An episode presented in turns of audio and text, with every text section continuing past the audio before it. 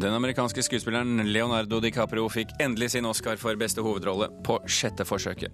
Filmen 'Hodejegerne' kan komme i engelskspråklig utgave, som film eller TV-serie. Og Den toneangivende britiske avisen The Independent legger ned papirutgaven. Samtidig starter en ny papiravis, New Day, forvirrende avismarked i Storbritannia. Og Denne uken åpner det første og det største privatfinansierte, privatdrevne kulturhuset i Oslo. Sentralen og eier av de 12 000 kvadratmeterne med kulturhus kommer på besøk her i Kulturnytt i dag. Inspirert av Leonardo DiCaprio skrev aviser over hele verden forrige uke om alle store skuespillere som aldri fikk Oscar. Men nå kan de ikke bruke DiCaprio i slike saker lenger, for i natt fikk han sin første, og det på sjette forsøket. Han vant for sin rolle i filmen The Revenant, som også vant for beste regi. And Oscar goes to Leonardo DiCaprio. Denne gangen vant han. På sjette forsøk vant Leonardo DiCaprio Oscar for beste mannlige hovedrolle. Han har vært nominert til prisen fem ganger før, og det har vært ventet at han skulle vinne denne gangen for sin rolle i filmen The Revenant.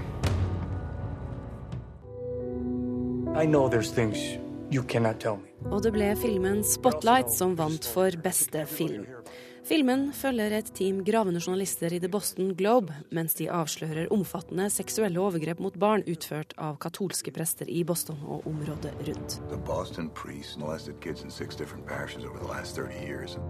The church found out about it and did nothing. And the Oscar goes to Alicia Vikander, the Danish girl. Svenske Alicia Vikander vant for beste kvinnelige birolle i filmen 'Den danske piken'. Wow. Thank you so much, the Academy, for this incredible recognition. I share this with our fabulous crew. Brie Larsen vant for beste kvinnelige hovedrolle i filmen Room, og filmen som stakk av med flest priser i år, var Mad Max Fury Road, med seks priser for beste klipp, lyd, lydmiks, kostyme og sminke og hår.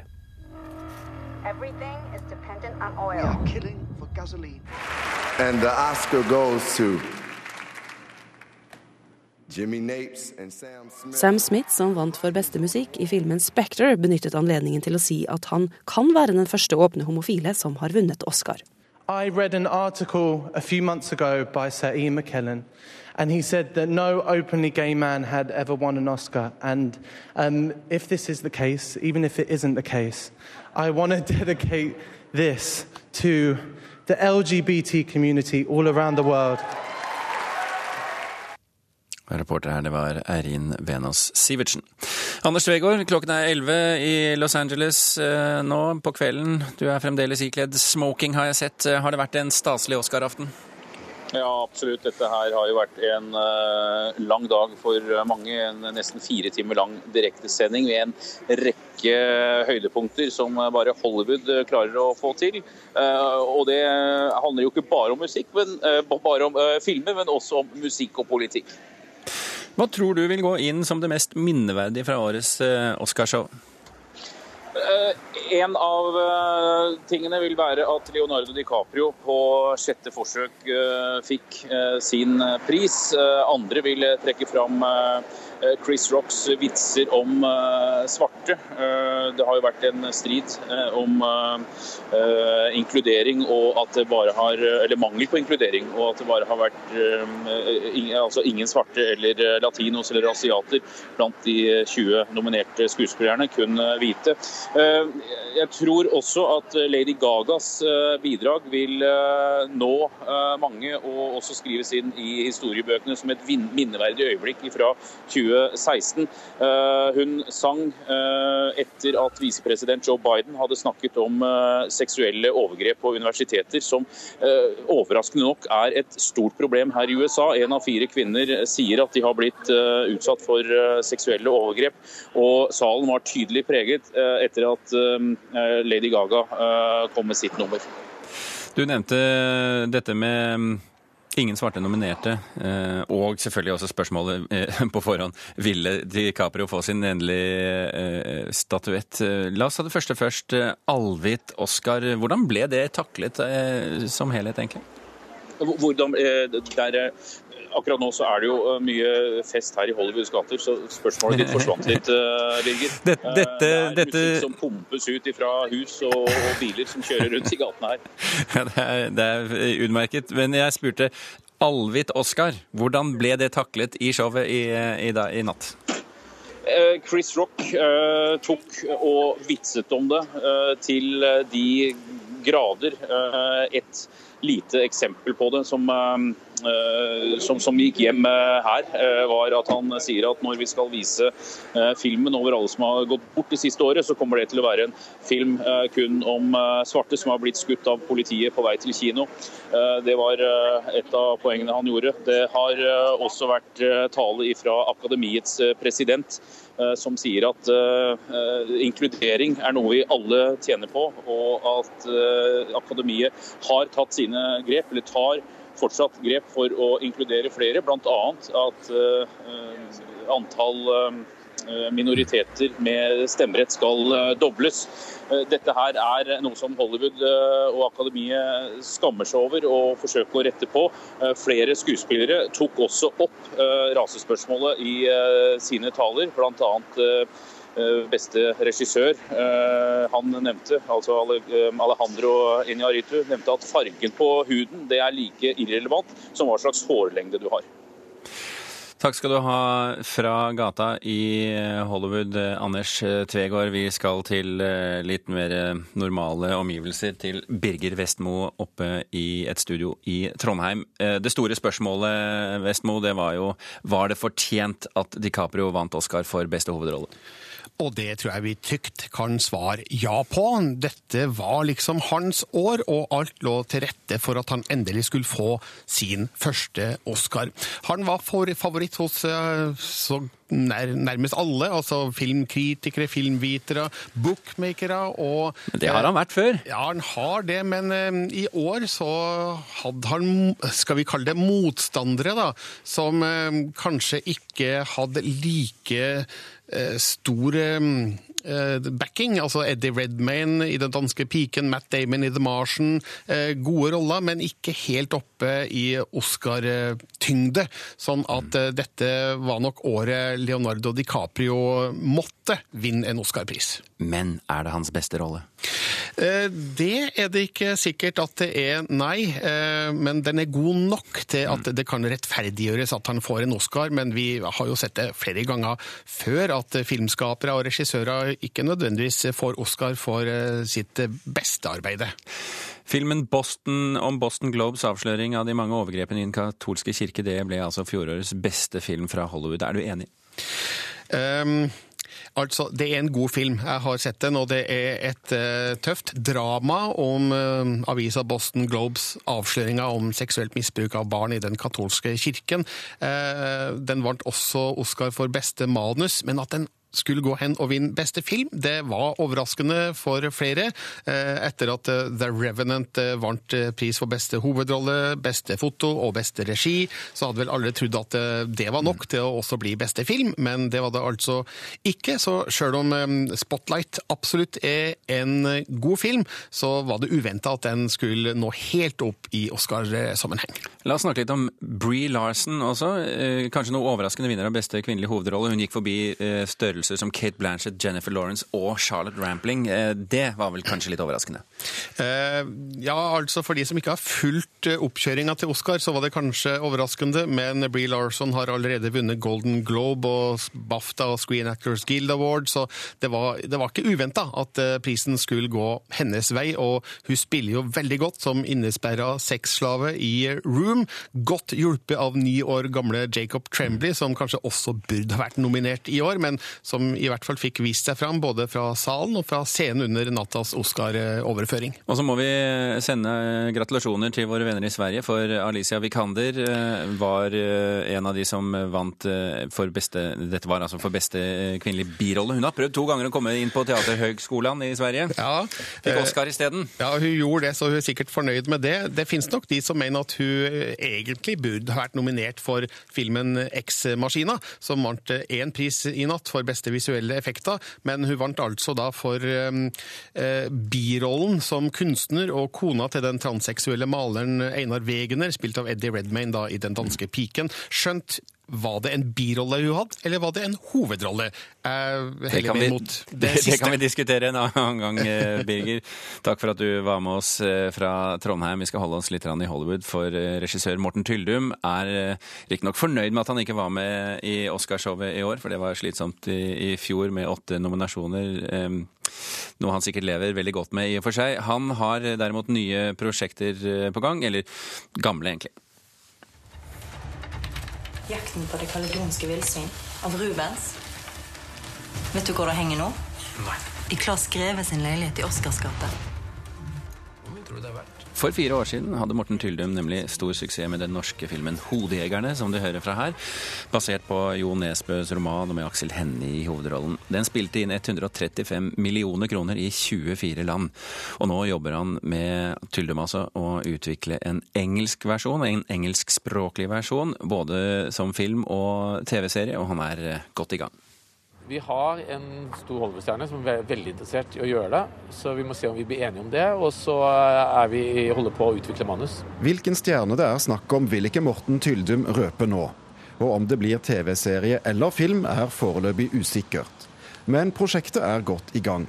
Et nitid nettverksarbeid gjør at Tyldum nå kan ta fatt på egne prosjekter i Hollywood. Nå er vi heldige ved at vi har et godt kontaktnett liksom, med mennesker som, som uh, om vi har noe spennende, så altså Folk går heller til oss og spør hva har dere liksom. Så vi kan, vi kan, få et møte når vi vil, og vi kan få presentere ting til studioene og til produsentene og finansiører. Så eh, vi er veldig heldige som er i den posisjonen nå, at, eh, at, vi har det kontaktnettet som kanskje skal til da, for å komme igjennom og for bryte igjennom og få den interessen.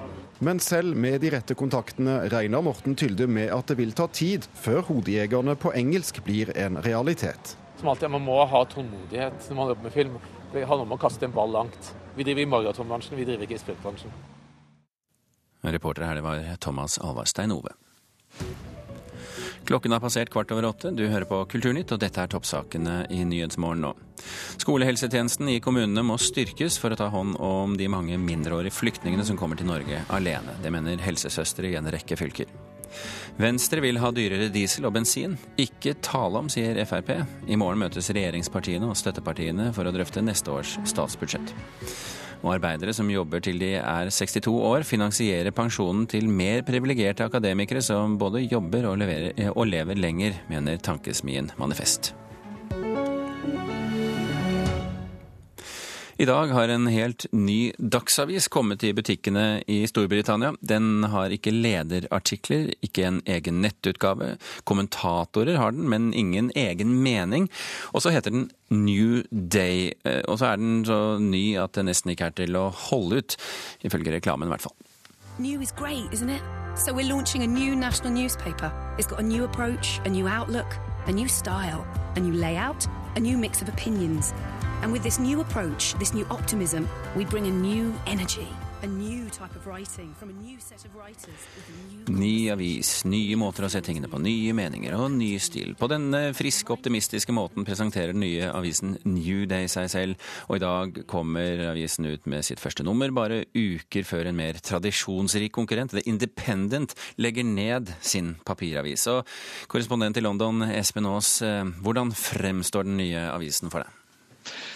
Vel, den ser jo i hvert fall ny og frisk ut, har andre farger enn sine konkurrenter og har valgt en litt annen forsidesak eh, i sin eh, første utgave enn eh, man tradisjonelt kanskje ville finne på en forside. Det er en, en egen sak. De forteller historien om 40 000 britiske barn som må ta seg av sine egne foreldre, mens ingen tar seg av dem, og er illustrert med en femåring, Adrian, som bærer hjem varene fra supermarkedet sammen med moren sin. Ehm, og så har den jo da, som du sier, skulle profilere seg på å ikke ha egen uh, lederartikkel, men heller være en slags da, debattavis. Det eh, engelske avismarkedet det er jo veldig tradisjonsbundet med mange eh, gamle aviser. Eh, hva slags avis er dette, og hvem er det de ser, ser for seg at den skal være for?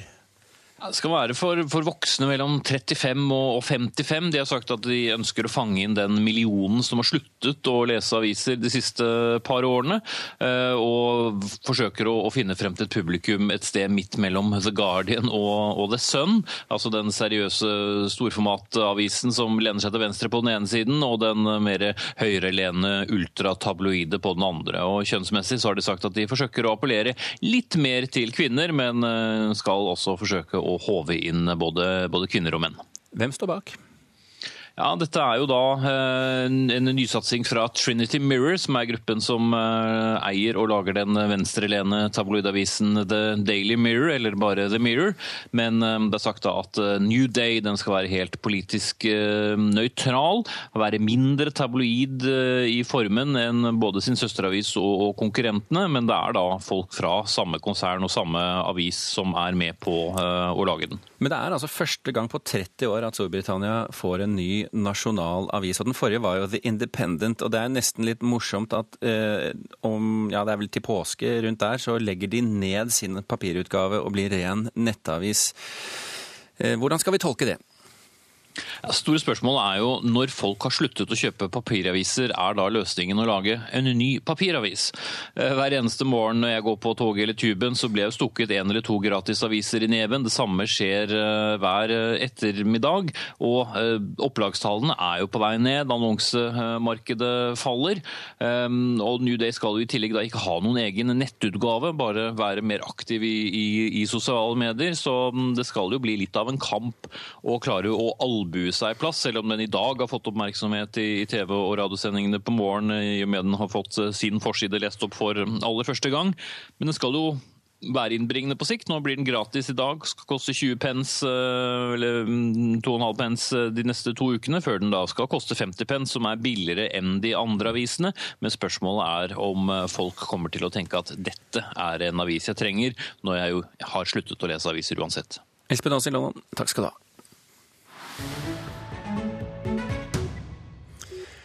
Sparebankstiftelsen DNB bruker penger på allmennyttige formål. De eier og låner ut både instrumenter og kunst, og i forrige uke ble de sannelig også eiere av et eh, sekstitalls norske lokalaviser da de kjøpte opp Amedia.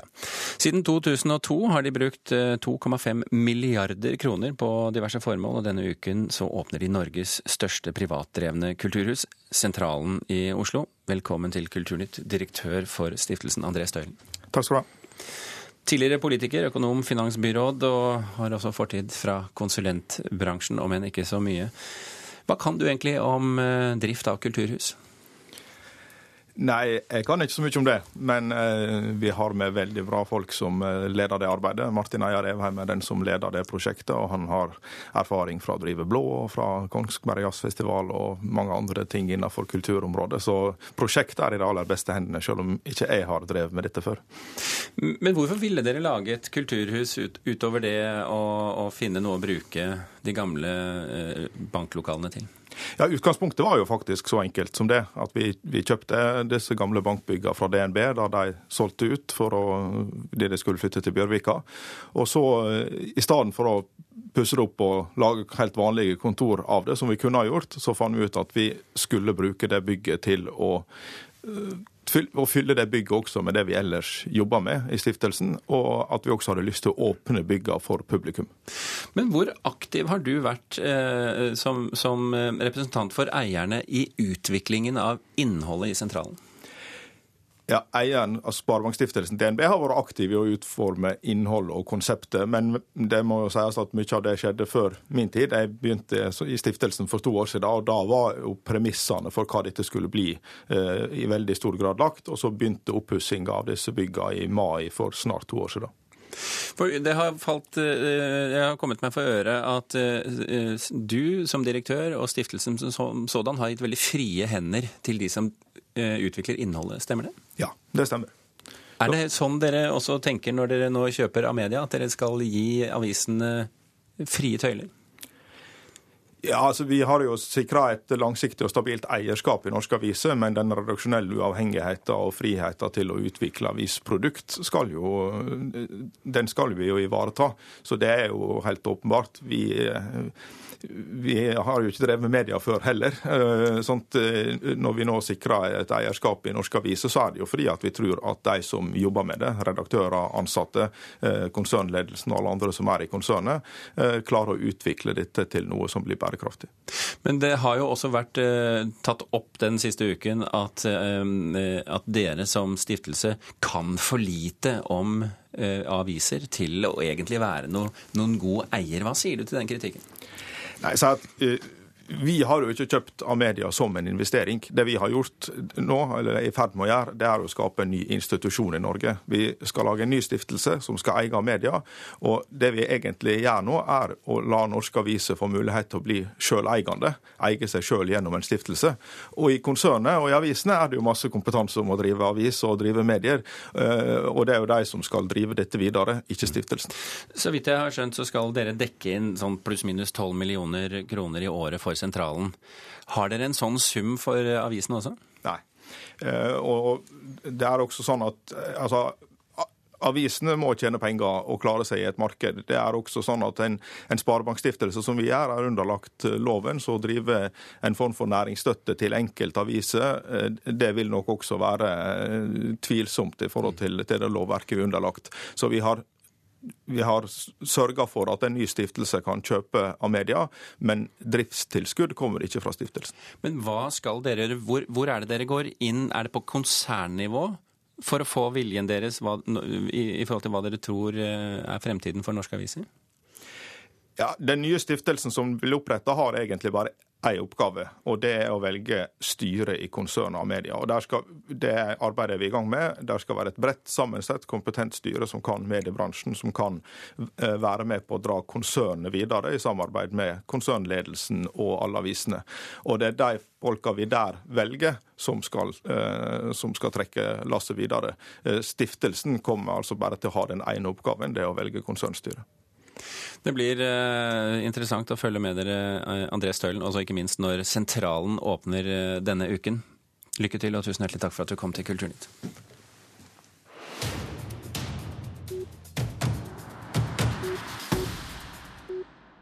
Hører dere overhodet noe om hvordan det går med Nationaltheatrets styre? Ja, tre av dem sitter på Grini fremdeles, og det er jo selvsagt uvisst når de kommer tilbake? Teaterdirektoratet skal si ifra at fransk dramatikk heretter ikke er tillatt på spillelistene. Det er heller ikke tillatt å føre fram skuespill som omhandler amerikanske, russiske eller engelske tilhøve. Heil og sel. Ja, dette er lyd fra det eh, enkelte opplevde ved Det Norske Teatret i Oslo i helgen. Det var urpremiere på forestillingen eh, andre verdenskrigen Natt i væra. Et teatermaraton nesten uten eh, like. Det startet ved midnatt og sluttet ved daggry. Tok omtrent åtte timer. Og teaterkritiker her i NRK, Karen Fresland Nystøl, du tilbrakte altså disse åtte timene i teatret natt til søndag. Skjønner du egentlig hva du har vært med på? Jeg tror det begynner å gå opp for meg. Det, jeg har jo vært med på en, en sjeldenhet, syns jeg sjøl det fellesskapet som oppstår når man tilbringer en natt i teatersalen sammen med, med, hundrevis av andre, det er veldig spesielt. Alle er veldig trøtte, man blir sliten underveis, man, man dupper av. Men, og så konsentrerer man seg så enormt om å få med seg det som skjer på scenen. Og, for, for, for, det begynner jo allerede etter legetid, ikke sant? Ja, det begynner ved midnatt, sånn omtrent. Og, eh, og, og gjennom disse åtte timene så står det et team av skuespillere på scenen og levere og levere og levere. Så da forestillingen var slutt, så var jo eh, publikum var slitne, men hva med skuespillerne, tenker jeg. De sto med blanke øyne og hadde liksom fått det til. Det var en sånn fin fellesskapsfølelse med, med de som sto der framme òg, opplevde jeg. Og så sitter man jo der, sant, og man er på en måte mellom drøm og virkelighet. Og da blir noen opplevelser òg veldig sterke fordi man er i den tilstanden. Hvilke opplevelser da? Enkeltscene fra stykket. Eh, F.eks. en scene der vi møter en ovnsbygger, en tysk ovnsbygger som ikke helt skjønte hva slags ovner han var med på å bygge eh, under andre verdenskrig. De, de ble jo brukt til, til, til, å brenne mennesker i, da selvfølgelig, eller søppel, som det ble kalt. Sånne små episoder med ei russisk mor som ikke har mat å gi barna, og så bare sulter de i hjel og dør. Sånn, det, det, setter, det, setter, spor å se disse, disse glimtene og skjebnene. Hvordan vil du beskrive stykket som helhet? Det er fire dramatikere som har skrevet helt nye tekster til dette stykket. Eh, Lukas Berfus, eh, David Gregg, Oleg Bogajev og Maria Tryti Vennerød. Internasjonale og norske dramatikere. Eh, og disse historiene som de har levert, eller manusene, er fletta sammen til denne maratonforestillinga. Det som jeg syns er det store med denne forestillinga, det er at det er ingen, eh, ingen seierherre, ingen frigjøringsdag, ingen store, berømte slag eller stolthet som vi skal gjennom. Det er ikke mye skyttergraver i dette stykket, egentlig. Vi møter enkeltmennesker og de sine historier. Uh, og det er det som gjør fortellinga så sterk. Jeg nevnte den russiske mora og, og åndsbyggeren Vi møter og Josef Mengele, som forsker på det ultimate mennesket. Men det som kanskje gjorde sterkest inntrykk på meg, som jeg var veldig spent på etter å ha lest manus på forhånd, det var David Gregg sitt manus som handler om ungjenta Peggy og ei gås. Denne gåsa tar hun med fra, fra Storbritannia og over Ror-området. Hun skal stoppe et bombetokt. Det er jo som en slags Nils Holgersson-reise, bare en helt, helt annen type reise, selvfølgelig. Eh, og der, Det er jo magisk, et magisk manus, ikke? en magisk fortelling. Og hun gis da muligheten til å stoppe drap, stoppe krig. Eh, det ønsket vi alle egentlig har, om å kunne liksom gripe inn og stoppe det, vondskapen som skjer. Eh, og den historia går gjennom, denne flyvninga der går gjennom hele stykket, og det syns jeg er en fantastisk historie å følge, og visuelt veldig flott og veldig godt gjennomført. Hva har du konkludert med nå som du har fått dette litt på avstand? at det er et helt umulig prosjekt, egentlig. Eh, det, det er selvfølgelig Hadde vært eh, et stykke på tre-fire timer, så kunne jeg vært veldig streng og sagt at der og der burde de virkelig ha stramma inn, gjort noe, tetta det til. Men eh, samtidig så syns jeg dette prosjektet viser et sånt nødvendig overmot som norsk teater trenger. Vi trenger at noen kaster seg ut på, på så djupt vann som dette her. Og det jeg har opplevd, er jeg så takknemlig for å ha vært med på. Var du våken hele tiden? Nei, jeg duppa litt. Karen Frøsland det har vært å uh, sett uh, teater på Det Norske Teatret. Åtte timer lang forestilling. Uh, vi hadde bare en halvtime. Thomas Halvarstein Ove og Birger Kåsrud Aasund takker for følget.